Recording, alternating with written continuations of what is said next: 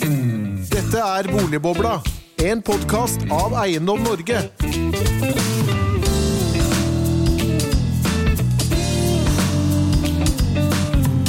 Hjertelig velkommen til en ny episode av Boligbobla, denne gang om oligarker og økokrim i boligmarkedet.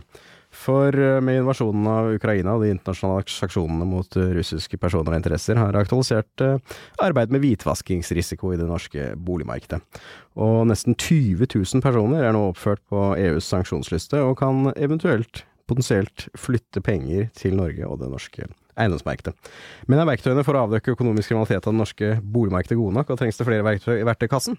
Og hvor stor er egentlig risikoen for hvitvasking i det norske bolig- og eiendomsmarkedet? For å få oss med, ta oss gjennom dette temaet, så har vi fått noen utmerkede gjester. Eh, Tor Dølvik fra Transparency International, velkommen til deg. Takk for det. Og Sigrid Jacobsen fra Tracks Justice Norway, velkommen Hei, hei. Her. Takk. Og ved min side så sitter som alltid du, Henning Lauritzen, av Norge-sjef. Sjef Yes. for boligprisene, nå også sjef for økonomisk kriminalitet i boligmarkedet. Uh, ja, jo, det kan man kanskje si. Du har jo vært ute nå og etterlyst uh, flere verktøy. Hva er det egentlig eiendomsmeglingsbransjen uh, gjør for å motvirke og avdekke økonomisk kriminalitet? Når, når en bolig eller annen eiendom skifter eier, så, så er det ganske mange ting man skal undersøke rundt selve, selve transaksjonen. Og eh, eiendomsmeglerne er blant de som da har en plikt for å eh, ja, bidra til å hindre at det skjer hvitvasking. Eh, De skal hindre at det skjer eh, terrorfinansiering. Og eh, så skal man også, noe som, har, som da har blitt mer aktuelt nå i det siste, hindre at det skjer brudd på sanksjonsreglene. Altså at det er noen på den ene eller andre siden av bordet som står på EUs sanksjonsliste. Som jo også da kan være russiske oligarker eller medlemmer av Dumaen osv. Så altså, regelverket er egentlig ikke noe nytt, men på en måte det er blitt større risiko for at regelverket blir, blir brutt? Er det som egentlig har skjedd, eller? Det kan, det kan nok, eh, akkurat når det gjelder sanksjoner, så er nok kanskje risikoen blitt eh, ganske mye større fordi det er grupper som det er mer sannsynlig opptrer på det norske boligmarkedet enn mange av de som har stått på sanksjonslisten tidligere. Og, eh, og når det gjelder sånn regelverket for øvrig, så, så kan man nok også tenke seg at risikoen øker, eh, og har økt eh, de siste årene. Nei, for det er jo, altså opp gjennom årene har det jo vært en del saker med, med russiske interesser i, Gåstein, som man kan kalle det, som, som har eh, hva skal du si, kjøpt både selskaper og tidligere militærbase, var det vel også, oppe i nord i, i Norge. Ja da, det er, eh, det er russiske interesser som eier eh, eiendom i, i Norge, og det er russiske selskaper som eier eiendom i Norge, og det er eh, russiske aktører som er eiere i selskaper som, som eier eiendom i Norge. Så det finner man helt klart eksempler på. Men, men rent praktisk, da, hvordan foregår dette, dette, dette arbeidet? Da? Vi, vi kjenner jo til alle, alle nordmenn elsker jo boligmarkedet, de elsker jo bolig, og de elsker å kjøpe og selge bolig. Hvordan, hvordan foregår dette da rent konkret? Eh, Kan man si noe om det, eller er det hemmelig? Nei, noen, noen detaljer er, er litt hemmelig, men, eh, men det er en eh, Altså for, for eksempel for å avdekke hvit- hvitvasking, så, så er det en del kjennetegn på hvitvasking. Så, eh, altså for eksempel at uh, den som, uh, som skal uh, være involvert i handelen, sier at alle pengene skal ikke til meg, men send, send også 20% av pengene til en eller annen tredjeperson. Altså det, det kan dukke opp kjennetegn på at noe ikke er som det skal være, og da skal man undersøke nærmere. Og, og når det gjelder alle formene for, eh, for kriminalitet der, altså brudd på sanksjonsregler, hvitvasking osv., så, videre, så så er en veldig viktig oppgave å finne ut hvem som egentlig er kjøper, og hvem som egentlig er selger. Og det er kanskje si, en av de aller mest krevende oppgavene. For det er ikke gitt at det er den som fremstår som kjøper, som, eh, som faktisk er det. Eh, og i mange tilfeller så kan man jo også da ha lag på lag med selskaper. Mm. Helt tilbake til man da treffer den som, som er den egentlige eieren. Og da, da har man faktisk en plikt til å, eh, å, å jobbe for å finne ut hvem som er den som står bak. Men dette, dette er jo kanskje en god overgang til deg, Tor, fordi at i fjor så, så kom jo du, eller forfattet du, og Transparency International ga ut en rapport om hvitvaskingsrisiko i det norske eiendomsmarkedet, bolig- og eiendomsmarkedet. Hva var det dere fant? Det må du fortelle. Ja, eh, Først kan du si hvem er Transparency International? Ja, det er jo, ikke sikkert alle det. lytterne Nei, det kan vet. jo være nyttig å opplyse om det også. Eh, vi er en norsk avdeling, en norsk akkreditert avdeling av en verdensomspennende organisasjon som heter Transparency International. Eh, vi har eh, nasjonale avdelinger i hele verden, i 100 land, på alle kontinenter. Og vi er en antikorrupsjonsorganisasjon. Så vi arbeider for å bekjempe korrupsjon uh, i, all, i, i alle dens former uh, ved å fremme åpenhet. For, for vi, det er liksom universalmiddelet vi, vi fremhever. Det er at åpenhet bidrar til å kunne forebygge og avdekke korrupsjon. Eh, og det var liksom innfallsporten vår til også å kaste oss over dette med eiendomsmarkedet, fordi våre kolleger i andre land hadde funnet ut at eiendomsmarkedet i en del store byer på kontinentet annet ble utnyttet som hjelpemidler i en hvitvaskingsprosess, hvor eh, korrupt kapital da eh, faktisk ble sluset gjennom og renvasket slik at de kunne anvendes i den ordinære økonomien på en, på en legal måte, mens opprinnelsen egentlig var eh, økonomisk kriminalitet, som annet eh, korrupsjon. Og Derfor så var vi nysgjerrige på liksom, er dette noe som kan skje i Norge også. Eh, og våre kolleger i Storbritannia sa at dere må jo undersøke det. ikke sant? Boligprisen i Oslo har steget så og så mye, og dere er et velordnet land. Og, og, og hvis det er noen som har noe penger de vil gjemme bort på en trygg måte, så må jo Norge være en veldig trygg havn. Så dette bør jo dere se på. Eh, Så, så da gjorde vi det ut fra noen enkle innfallsvinkler. Fordi at det er vel altså særlig i London, altså og nyboligmarkedet i London, så vidt jeg kan forstå, hvor dette har vært et fenomen. Ja, eh, faktisk mange steder. Eh, I, i USA også, Mm. og i Canada er det dokumentert. Paris, eh, Berlin. Eh, men, men det er kanskje særlig London, den Jeg husker bare ett et eksempel fra rapporten hvor det var 75 av enhet i et nyboligprosjekt var kjøpt av, av altså ukjente kjøpere. Ja, ja, det stemmer det. Eh, og, og det førte jo til at eh, britiske myndigheter eh, innførte regler om at hvis kjøpere av sånne eiendommer ikke kunne eh, redegjøre for hvor pengene kom fra, så kunne de faktisk eh, ta beslag. Eh, Så det var en måte å prøve å, å, å stramme det inn på, da. Men no, det kalles jo London-grad, enkelte av kvartalene i, i London, ikke sant. Fordi Ja, det vært i London er flere ganger. Det er jo påfallende tomt enkelte områder. Ja. Ja. Mm. Så, så, så det var bakgrunnen. Og hva fant vi? Jo, vi fant jo Altså, hvordan skal man undersøke det? Eh, Så vi baserte oss jo da på tilgjengelige åpne kilder, og fikk eh, gjort et uttrekk av en oversikt over alle eiendommer, både næringseiendommer og boliger, i eh, på Aker Brygge i, og i Bjørvika og på Tjuvholmen. Altså disse såkalt Nybygde veldig attraktive. Ja. attraktive delene av byen. Så man kunne tenke seg at hvis noen har har eh, interesse av å gjemme bort eller, eller lagre store verdier, så, så, så vil en stor, fin leilighet eller et forretningslokale der kunne være egnet. Så da fikk vi en oversikt over alle eh, eiendommene, og så gikk vi gjennom og så liksom, er det noe treff på såkalt kjente indikatorer for hvitvasking.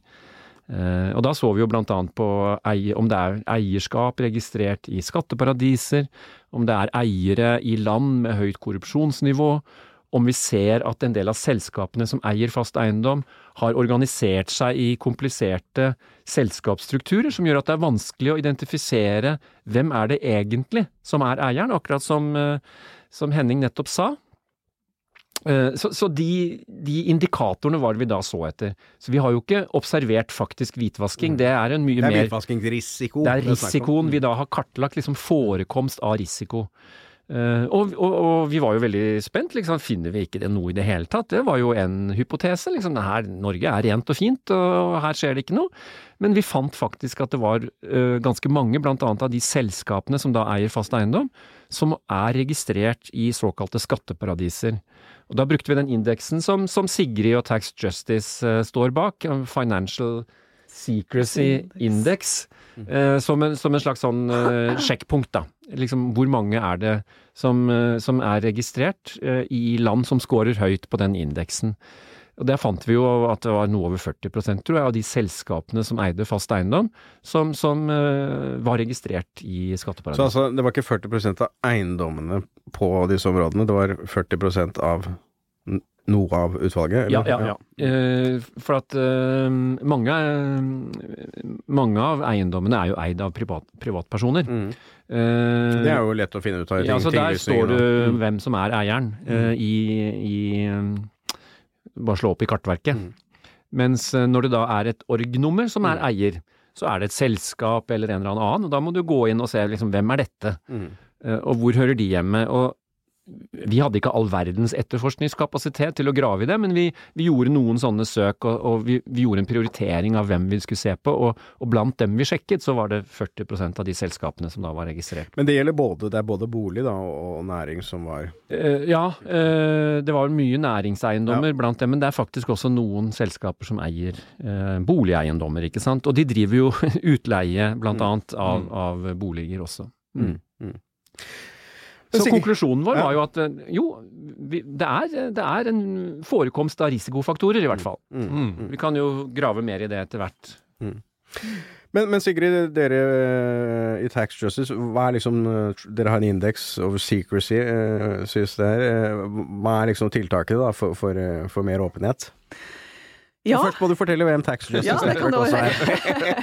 Ja vi, er, vi er en ideell organisasjon som jobber for mer åpenhet i eh, internasjonale pengestrømmer, og eh, da er jo mer åpenhet i skatteparadis en av de sentrale tingene. Vi jobber jo også med da å få til mer eh, rettferdig skattlegging, sånn at alle skal bidra med skatt, da. Mm. Særlig de multinasjonale selskapene. Og da, det er da Altså sånn overskuddsflytting og sånne ting, det skal liksom Ja, ikke sant. Eh, og da er jo det med åpenhet helt, helt eh, sentralt, da, for å klare å få til noe som helst form for eh, skattlegging, rettferdig skattlegging. Da må du jo vite eh, hvor hvilke selskaper som hører sammen, hjemme med hvem, og, og i det hele tatt eh, ja, eh, få litt mer åpenhet i den, den skjulte materien der.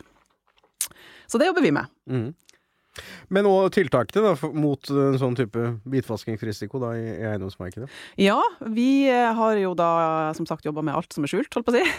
Eh, eh, og da eh, er det en, et tiltak som har vært helt sentralt for å få åpenhet i hvem som eier formuesverdier, hvem som eier bankkonto, eller ja, først og fremst og selskap. Det er jo å få på plass register over egentlige eiere, eller på fagspråket reelle rettighetshavere. Mm. Uh, det her uh, har jo gått um, Det har jo vært noe som har vært på blokka lenge, kan man si. Uh, og, og så har vi, vi ulike land vedtatt det og, og innført det. Norge har også vedtatt det. Stortinget vedtok gjennom et såkalt anmodningsvedtak Mm. at Norge skulle få det på plass. Det gjorde vi i 2015. Ok, syv år siden. Eh, syv år siden. Og det siste vi hørte var at det skulle da på plass eh, eh, Skulle være på lufta til neste år. Mm. Åtte år etterpå. Ja. Det er sånn vanlig. Tar det ti år, så er det bra. I vår altså. verden. Ja. Men vi, vi blir jo litt eh, eh, oppgitt, da, fordi vi ser at andre land klarer det fortere. Og så er det jo noe med å ha noe på plass sånn at det eh, Sånn at du kan forbedre det. Sånn som i England, når de fikk på plass, bare fikk på plass registeret, så var det jo da mulig å, å avdekke alle de hullene som var der. Eh, Men dette er da et, et offentlig register, ikke sant? et offentlig register. Og det har vi vært veldig klar på, det, at det må det være. Mm. For hvis ikke Man har jo, sånn som når de her ble eh, ja, eh, vurdert i, i Norge og, og diskutert og sånn, så kom det jo forslag om at det, ba, at det skulle være lukka, bare for såkalt legitim interesse. Mm. Um, da, eller at man må logge seg inn, Mm. uh, sånn at de som blir sjekka kan Det var til og med foreslått det, da. At det, de som blir sjekka, kan se hvem som har sjekka dem. Mm. Um, men heldigvis så er det jo nå, har Stortinget slått ganske kraft, fast da, at det må jo være offentlig. Eh, og grunnen til det er jo mange Det er jo fordi at det er jo ikke bare de som jobber direkte med, med pengestrømmene som det er viktig skal kunne se det her. Det er jo også sånne som eh, altså forskere eller eh, journalister, eller sånne som oss, da, som da hadde hatt et mye bedre tilfang til materialet for å kunne Problemet er så stort at vi trenger flere øyne på det, da.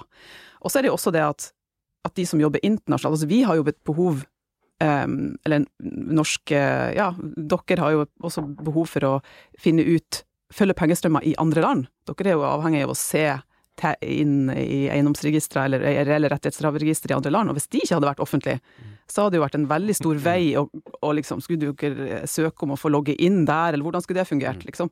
Så det er så, så viktig at de skal være offentlige, og det er det som det skal bli i Norge også, når det Men er det da Brønnøysundregistrene som, som, skal lage dette her, da? Eller? Ja, det er de som, uh, som sitter og jobber med det nå.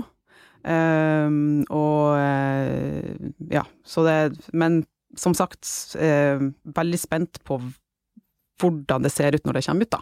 Hvordan grensesnittet er, og hvordan søkemuligheter du egentlig har. Mm. For um, et problem har jo vært sånn uh, Da så vi med aksjonærbok uh, uh, Altså den diskusjonen som var når skulle Norge være åpen om um, ha åpen aksjonærbok, altså at vi skulle se hvem er det som mm. eier alle selskap, altså i hvert fall det som aksjer.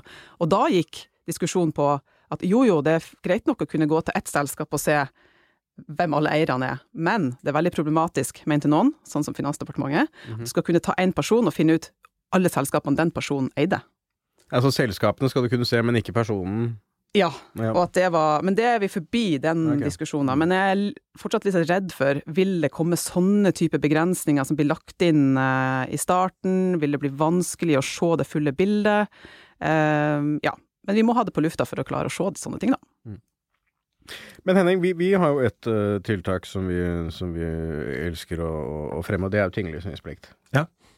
Uh, vi uh, hvorfor, For det første, hvorfor er tinglysning fri, en frivillig ordning? er jo egentlig det naturlige spørsmålet å begynne med ja, vi, man, man, kan jo kanskje gjette på at uh, Altså det å da registrere eierskapet ja, i, i at, at, det å skulle registrere hvem som, som, er eieren, bare for å ta det aller først, det er altså en helt frivillig ordning mm. i Norge. For det er ikke alle som vet. Uh, og det, det, gjør jo at uh, hvis man f.eks. går inn og kikker på disse leilighetene eller eiendommene som ligger rundt omkring, for å se hvem som eier det, så kan man ikke ta for gitt at det er den som står i kartverket som er den faktiske eieren. Den eier boligen eller eiendommen kan ha skiftet eier i ettertid.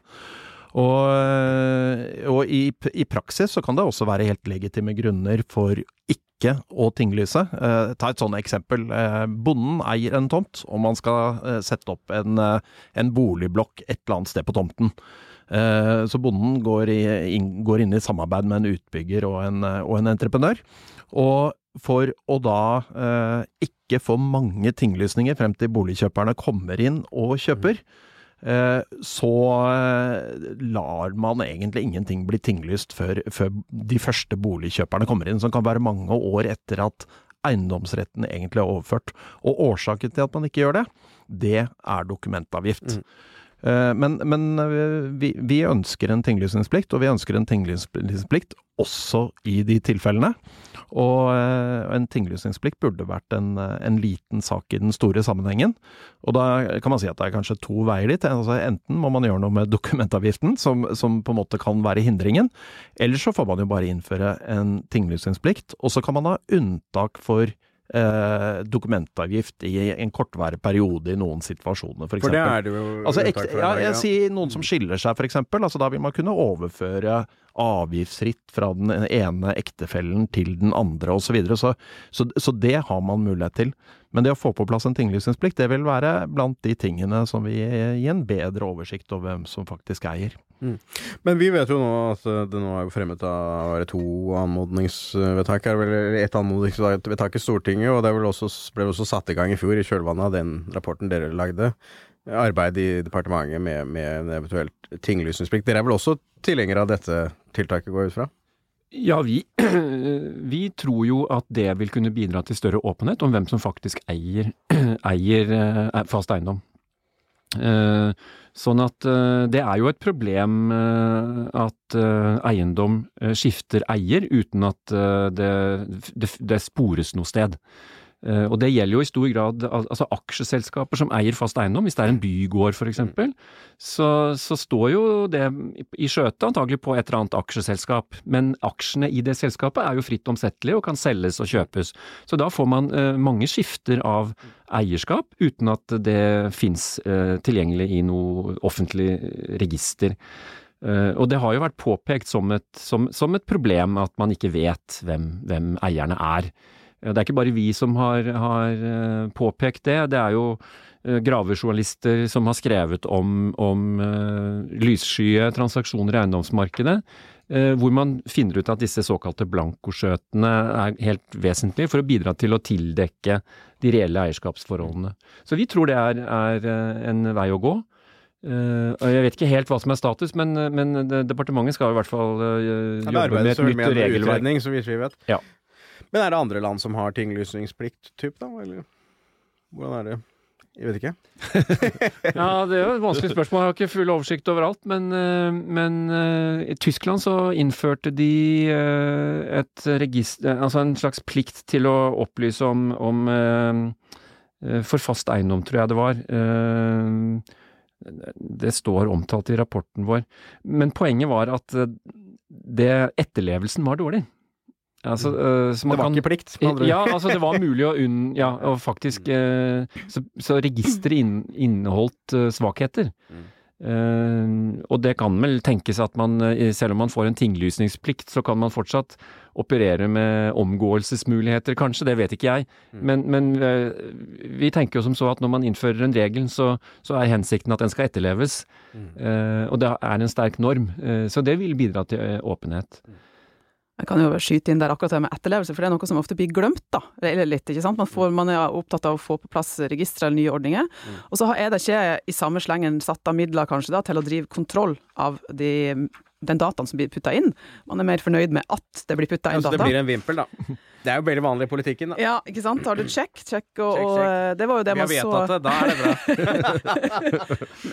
Videre til neste valg, liksom. Da har man levert. Ja. Great intentions. Ja, ja. Men det så man i, i England når de innførte det reg- eh, registeret over reelle rettighetshavere, at der hadde jo, når eh, uavhengige miljøer og, uh, tok en sånn sjekk på hvilke data var det som faktisk hadde blitt lagt inn, Mm. så oppdaga de jo masse tilfeller at folk hadde oppgitt uh, navnet på hunden sin, eller okay. Donald Duck, eller eh, ja, bare skrevet inn forskjellige ting, da. Og um, også sånn avdekket mer sånn her, hva skal jeg si, svakheter som at eh, at eh, Great Britain var skrevet inn på forskjellige Altså skulle vise tilhørighet til landet ditt, da, ikke sant? så hadde du skrevet Great Britain på 100 forskjellige måter. Altså, ja.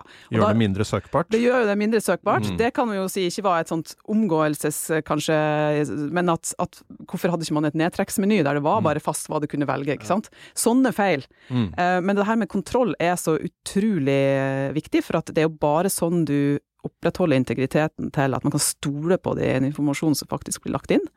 Um, så vi ser jo at, ja Det, det er jo egentlig masse hull i det her registeret allerede før det blir vedtatt. Eh, og på, på andre ting, eksempel at det bare er eh, I utgangspunktet, da, så skal man jo registrere de som har Hvis du har mer enn 25 eierskap. Mm. Det er det som det da er Det er det reelle rettighetshavere ja, ikke sant. Eh, men, eh, men det vi jo vet, er jo at det her eierskapet, hvis man vil skjule seg, og det er jo de man gjerne vil ha tak i, det er jo de som Mm. aktivt prøver å skjule seg, så eh, er jo de veldig vant til å omgå den type regler, og legge seg da under å splitte opp eierskapet i fiktivt, da, i, så du kommer under 20 Mm. Men så skal man jo i prinsippet i de her registrene så skal man oppgi den som har den reelle kontrollen, uavhengig av denne grensa. Men hvem skal sjekke det, da? Eh, at det faktisk blir Det blir jo eh, eiendomsmegleren, da, i dette tilfellet. Ja. Eh, jeg er veldig spent på For det vi jo ser, er jo et eksempel med, med Equinor, som det nå ble gravd fram, eh, har kjøpt eh, tjenester av oligark. Mm. Og så sier Equinor ja, nei, eh, vi har ikke undersøkt det, for vi kjøpte jo ikke av oligarken direkte, vi kjøpte jo av datterselskapet. Mm. Og da, hvis vi skulle ha begynt å undersøke, det er jo umulig. Mm. Så jeg er jo veldig spent på eh, hvilke verktøy har dere for å egentlig gjøre den jobben ordentlig, da? Hvis Mhm. man ikke har Ja, når man er kommet så kort med registrene rundt omkring, da. Men, det, men det har vel også du, du var ute i Dagens Næringsliv, Henning, og, og etterlyst. Altså flere tiltak, eh, eller verktøy, for å kunne gjøre den jobben bedre. Ja, det, det, er jo, Hvis man skal sette det veldig på spissen, så eh, opplever vi nok litt grann at det er sånn i dag at eh, vi, eh, vi eller medlemmene våre får av og til gebyr av Finanstilsynet for ikke å ha rutiner som er helt på merket. Men, men vi må, når vi kommer til verktøyene, så er det veldig mange av tingene vi mangler. Et, et register over reelle rettighetshavere er jo blant de tingene vi ser, ser veldig frem til. Og det kan sikkert ikke løse alt, og nå har det jo beskrevet eh, noen problemer med det her, men, men, men det vil være veldig stor hjelp på veien. Og det er også andre ting som vi mangler. For, altså F.eks. tilgang til folkeregister. Eh, det, det, kan man jo si er ganske underlig at man ikke har når man skal undersøke Ja, hvorfor har man ikke det, da? Nei, her, her, er det jo, her, her, er det jo en sånn eh, etterslep på virkemiddelsiden. Jeg tror man, Beskrivelsen av registeret om reelle rettighetshavere, eh, som man begynte å tenke på for mange år siden, som ikke har kommet på plass, det er illustrerende for situasjoner når det gjelder folkeregisteret også. Man skal den veien, men det går, går veldig sakte. Og så er det andre ting eh, som, eh, som, vil være viktig. Altså at eh, ulike instanser som skal undersøke f.eks. hvitvasking, eh, har plikter til å undersøke hvitvasking, som bank og megler f.eks., eh, kan, kan, i veldig liten grad kommunisere. Bare for å ta ett eksempel. Hvorfor kan de ikke kommunisere? Nei, Her er det alt fra taushetsplikt til GDPR og, eh, og, eh, forbud mot å de, dele opplysninger osv. Så personvern, det slår hvitvasking? Ja, det, det, det, det, er mange ting inn i bildet samtidig som, som kan sette begrensning. Bare for å ta ett eksempel, så, så når man selger en eiendom, så skal jo pengene inn, for den inn på en konto. Og i dag så kan man da altså ikke få vite om det er andre enn selger som er disponenter til den kontoen. Eh, av personvernhensyn? Av, av begrensende hensyn som ligger i loven, mm. med mindre man da spør eh, den som er selger om det. Mm. Og hvis den vedkommende har tenkt å skjule noe, så, så, er det jo relativt meningsløst å skulle spørre vedkommende av det som eneste virkemiddel. Har du tenkt å skjule noe? Har du tenkt å skjule noe? Sånn, sånn at uh, det er veldig mye man kan gjøre på virkemiddelsiden som vil kunne bidra til å gjøre arbeidet enklere, men det er jo et fryktelig vanskelig arbeid, og, og som uh, som påpekt her, altså reelle rettighetshavere er kanskje det aller vanskeligste av dem alle, å finne ut hvilke interesser som egentlig står bak. Mm. Tor? Ja, det er ingen tvil om at det er et krevende arbeid. Og, og, og noe av vår uh, interesse uh, som ligger bak her, er jo at vi ser hvordan den globale økonomien fungerer her. ikke sant? Sånn at en, en eiendomsmegler i Oslo er jo bare en bitte liten aktør i et stort, stort verdensomspennende nett av pengestrømmer og transaksjoner. Eh, sånn at eh, bakgrunnen vår var jo egentlig at eh, vi lever i en, lever i en, en, en heldigvis, i, i, en forestilling, og, og, noe som er langt på vei sant, med et inntrykk av at veldig mye går riktig for seg i Norge. Mm.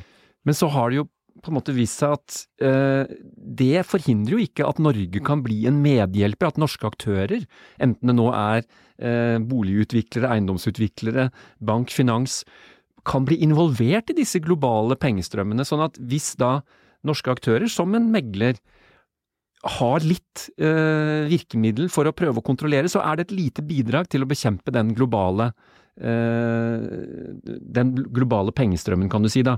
Og det kommer jo veldig, det vi begynte med å snakke om, liksom de russiske oligarkene, det kommer jo veldig til syne nå. Mm. Vi har altså et naboland som de aller fleste nå er enige om, er styrt av eh, Det er et diktatur, må vi vel kunne si? Ja, et, få, få, et fåmannsvelde, ja. som det heter. Altså et oligarki, mm. og kanskje et enevelde. Eh, vi vet ikke. Men maktgrunnlaget der er jo avhengig av at de som eh, de sterke økonomiske eh, eh, aktørene i Russland støtter opp om regimet. Men, men, de er også avhengig av å kunne få eh, omsatt sine verdier i denne globale eh, økonomien. Mm. Og da kommer jo disse små aktørene rundt omkring i andre land inn i bildet. Eh, og derfor så er det jo viktig at de også er med i den lille kampen, da. At mm. alle gjør så sitt alle små steg eh, gjør den store òg, ja. På riktig vei, ikke sant. Og, og jeg vil jo tro at, eh, at som, som, Sigrid nettopp var inne på, så vil det være til stor hjelp i deres arbeid å ha mulighet til å sjekke i andre lands registre. Så får man en internasjonal motvekt. Fordi det er jo noe av perspektivet som, som, som vi har, nemlig at det er det, Eh, motkreftene mot, mot denne lyssky virksomheten, den økonomiske kriminaliteten, global korrupsjon, eh, de ligger alltid på etterskudd. Mm. mm. Sigrid? Ja, nei, det her med at, at vi er vi har ordna forhold i Norge, eh, og i, større grad i hvert fall da, enn i mange andre land, kan man kanskje si, men det jo, må vi også kunne si har blitt vår akilleshæl. Fordi at Det er litt sånn flinke til å slå seg selv på brystet, vi er så flinke. Ja, og, og da ikke innsett at ja, ja, men hva med alle pengene som blir kanalisert gjennom Norge, eller, og at ikke vi har skjønt da, og sånn som det er flere som har vært ute i avisene og eksperter, hvitvasking, anti-hvitvaskingseksperter som har sagt, er at fordi at vi er så regna for å være så rene og pene, da, så er det større risiko. Ja, for at da gis det jo en skinn av legitimitet til de som eh, ønsker å, å, å plassere pengene her, eller, eh, og at vi har vært slappe sannsynligvis da, ikke sant, vil jeg si. Veldig slappe på å innføre riktige Mm. eh, mottiltak, som reelt rettighetshaverregister eh, og andre ting. Fordi at vi tenk, liksom bare tenker at ja ja, nei, men, men her eh, det, det, det ordner i sysakene hos oss. Så, eh, så for de som da, når det kommer til de russiske oligarkene, så vet vi jo at er det noen som er god på sanksjonsomgåelse, så er det jo dem. Altså, Det må de jo være flinke på. ja, for det her er de jo vant med. De har jo blitt sanksjonert. men er det mulig å eh, tenke seg at denne altså Ukraina-krigen og, og nettopp disse russiske oligarkene og russiske interessene er noe som kommer til å skape et trykk på at vi får på plass ting fortere enn det vi ellers hadde fått? Ja, jeg håper jo det, men eh, det ble, har jo blitt stilt spørsmål i, i i altså Stortingets spørretime til eh, departementene. Liksom sånn, sånn hva, hva nå gjør dere? Hva gjør dere for å få oversikt over alle de skjulte pengestrømmene og, og potensielle oligarkpengene som plasserte plassert i Norge? Og da var svaret ganske slapt, altså. Det var, Mm. ikke, det var ikke noe sånn spor av ja, nå, nå ruller vi opp ermene, oi, oi, oi, nå, nå brenner det på dass her, liksom. Nei, det var ikke Mm. det. Det var mer sånn jo da, vi jobber med De Vi var jo veldig flinke da det var korona, da, med å utbetale støtteordninger, så det, det, det går jo an å gjøre ting fort, vet. Ting vi. Ja, det var det er et veldig godt eh, Ja, vi observert. eksempel. Så det er jo, det er jo hva kan man si, et argument mot uh, offentlig eller statlig sendrektighet på Ja, absolutt. Nå skal det jo sies at kanskje de pengene ble utbetalt litt vel fort og uten, uten å ramme over hodet, så det var et veldig sånn eksempel på det Ja, Det illustrerer illustrerer jo hvor fort man kan gjøre lovgivning, man kan gjøre tiltak altså på ulike områder, da. Absolutt, absolutt. Helt enig. så jeg tenker det, det er jo også et slags sånn pressmiddel overfor departementer og myndigheter når de sier de skal bruke veldig lang tid på, på ting, da. Men, eh, Men jeg tror, jeg, jeg, jeg, tror nok altså at, at den aktuelle situasjonen illustrerer eh, et problem som kanskje veldig få har vært obs på tidligere. Nå er det liksom alle ser at ok, skal vi kunne iverksette reelle, effektfulle sanksjoner overfor individer og selskaper, så må vi faktisk vite hvem de er og hvordan de er plassert og eksponert i norsk økonomi. Mm. Og så går det plutselig opp for både eh, private som skal eh, passe på at de etterlever sanksjonsreglene, og myndigheter som da skal eh, treffe tiltak, at her vet vi kanskje altfor lite. Dette har vi ikke noe system på. Mm. og, og det kan jo i seg selv være en, en, en øyeåpner som gjør at en får litt fart på arbeidet. Men så tror jeg nok kanskje at sendrektigheten, altså dette med eierskapsregisteret, det, det, det påstås at det er tekniske utfordringer og, og sånt noe. Eh, men det kan jo også være rett, altså at det er eh, reelt eh, vanskelig Mm. i løpet av noen uker å finne ut hvordan hvordan identifiserer vi disse interessene, og hva gjør vi med det? Mm. Eh, Så man skal vel ha litt respekt for det også. Men jeg tror eh, at eh, krisen, da, Ukraina-krisen, Mm. eh, slår så sterkt inn og, får opp øynene for at nå må vi virkelig eh, finne ut av dette her. Mm. Ja, jeg tror det. Altså, jeg har jo veldig tro på det, og det vi ser på alle våre ting som vi har jobbet med, så, så har det vært en, en forhøya økt, økt politisk interesse når en krise oppstår. Altså datalekkasje, altså så Panama Papers, Paradise Mm. Papers, så har det kommet et oppsving av politisk interesse. Det har blitt foreslått tiltak. Mm. Og så, men så, ikke sant, så har, eh, er krisen over, kanskje, eh, og så blir eh, tiltakene litt sånn utvanna på veien til at de blir vedtatt, eh, og så, men så kommer det en ny krise. Altså, så det går i sånne bølger, men jeg tenker at Kriser er sånn bra ja, det er bra. ting. ting.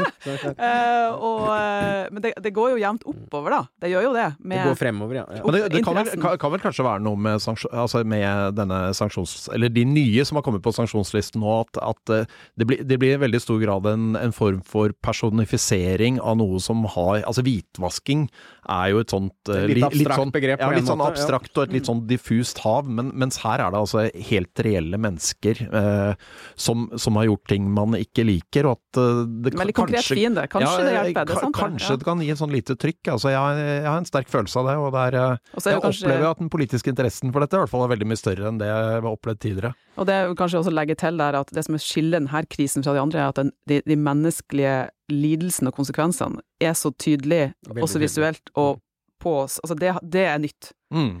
Eh, hvem som er skadelidende i andre enden, er jo ikke vanligvis noe man ser så tydelig. Det blir mer diffust. Mm. Eh, Her men kommer her er flyktningene det i nabolaget, for å si det sånn. Ja. Det har vi jo opplevd, ja. Mm. så, så det burde i hvert fall gi en større eh, økt politisk eh, interesse. La oss håpe det.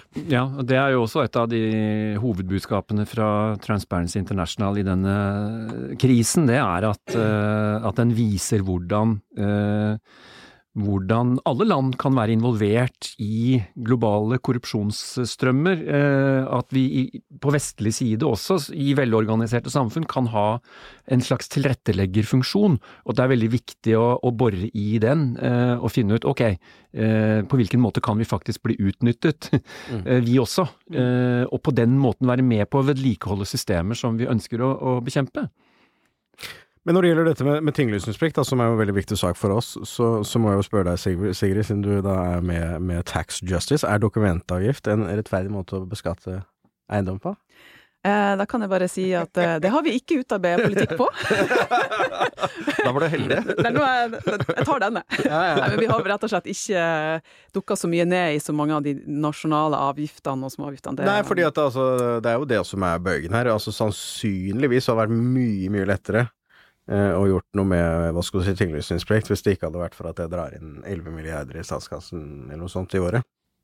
Ja, vi er veldig spent på debatten Mm. og eh, hører på alle gode argumenter. Så det, Det var diplomatisk svar.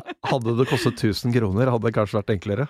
Ja, det, altså, det, det hadde ikke blitt noe blankoskjøte, sannsynligvis, hvis det hadde kostet 1000 kroner. Nei, det hadde tro. nok ikke. Eh, Fremfor 2,5 millioner på hva skal si, per 100 millioner. Med, med mindre du bevisst skal skjule, så hadde det ikke gjort det. Mm. Nei. Nei, men veldig bra. Det, mm, vi må gå inn for landing. Men den tiden går jo utrolig fort her i podkaststudioet. Men vi har alltid vi har en fast spalte for eh, gjestene våre, og det, det er jo din første bolig. Hva, hva kjente du, hva følte du, hva, hva tenkte du, hva betalte du? Hva tinglyste du? Og tinglyste du! og tinglyste du? Tor? Ja, min første bolig, det var en borettslagsleilighet på Lillehammer. Da tinglyste du ikke, med andre ord. Eh, Det husker jeg ikke. Hvordan foregikk det i, i Hvordan foregår det i boligsamvirket? før 2006 så, eh, så var Ja, det håndpant. var-. Det var 1988. Ja, da var det håndpant, altså noen satt på disse dokumentene på bankens vegne. Men apropos boligboble, Mm. for det Det var 1986. 1988. 88, så da var Og det da akkurat- husker dere hva som skjedde med boligmarkedet Da da? det. husker vi godt. Det var nemlig Det krakket Høsten. noen måneder Høsten. etter at vi kjøpte. Nei! Og da hadde vi skrapt sammen alt vi hadde av penger og lånt og arv og ditt og datt, og kjøpt denne borettslagsleiligheten. Så da ble du sittende, da. Og så trodde vi at vi hadde gjort uh, det store varpet, ikke sant, Mm. fordi eh, Lillehammer ble jo tildelt OL. Ja. Men det hjalp ikke så veldig, for da vi flyttet derfra, så var det ingen som ville kjøpe den boligen. Ja. Så vi tapte Så det var dårlig effekt på boligprisen på Lillehammer? Altså, ja, det, det, det klarte ikke å oppveie for krakk i boligmarkedet som kom i årene etterpå. Så Nei. da gikk det nedover i fire år, ja. fem år nesten, før det snudde. Men jeg husker veldig godt det, den Ja, første boligen, nettopp av dette her. det, er, det er ikke uvanlig at vi hører om denne type historier her i, her i podkasten. Og Sigrid, din første bolig? Hva? Ja, den uh, kjøpte vi på i en Obos-blokk på Tøyen i 2008, tror jeg det var. Mm. Og så eh, og da, Ja, da var det vel Obos som ordna alt det der, han, jeg regner jeg med. Alt Ja, med da hadde kartverket kommet på plass. Det hadde kommet Ja. på plass, ja. ja. Jeg er ikke så gammel, nei. Men det som eh, Og da så vi det Kjøpte den for um, eh, ja, rett over to millioner, en sånn treroms. Og så eh, er det jo sånn artig da, ikke sant, at når vi da selger den bare tolv år etterpå, så har den gått opp tre ganger i pris. Mm. Eh, men det hjelper jo veldig lite da når vi skulle kjøpe oss inn i en leilighet som var større i samme borettslag, som vi gjorde nå i fjor. Mm. Og, eh, så da måtte vi jo bla opp eh, Ja. veldig mye mer. eh, så, vi, så man taper jo på den her boligøkninga, kan man si da, hvis man skal Det spørs jo litt hvor, oppover hvor man skal, da. Ja, ja, ja, vi kunne jo flytta ut av Mm. Kunne flytta til Finnmark, og så hadde vi sikkert kunnet kjøpt en Eller Tønsberg, eller en, Porsgrunn, eh, som er. Ja, mm. Fredrikstad. Ja. Men eh, ja. Så eh, Men vi trives jo veldig godt i den boligen vi har, da. Så Ja, det, det er godt å høre. Nei, men Veldig bra. Så hjertelig takk til Sigrid og, og Tor for gjestene. Vi er tilbake med nye episoder av Boligbobla før vi vet ordet av det. Takk for denne gang. Selv takk.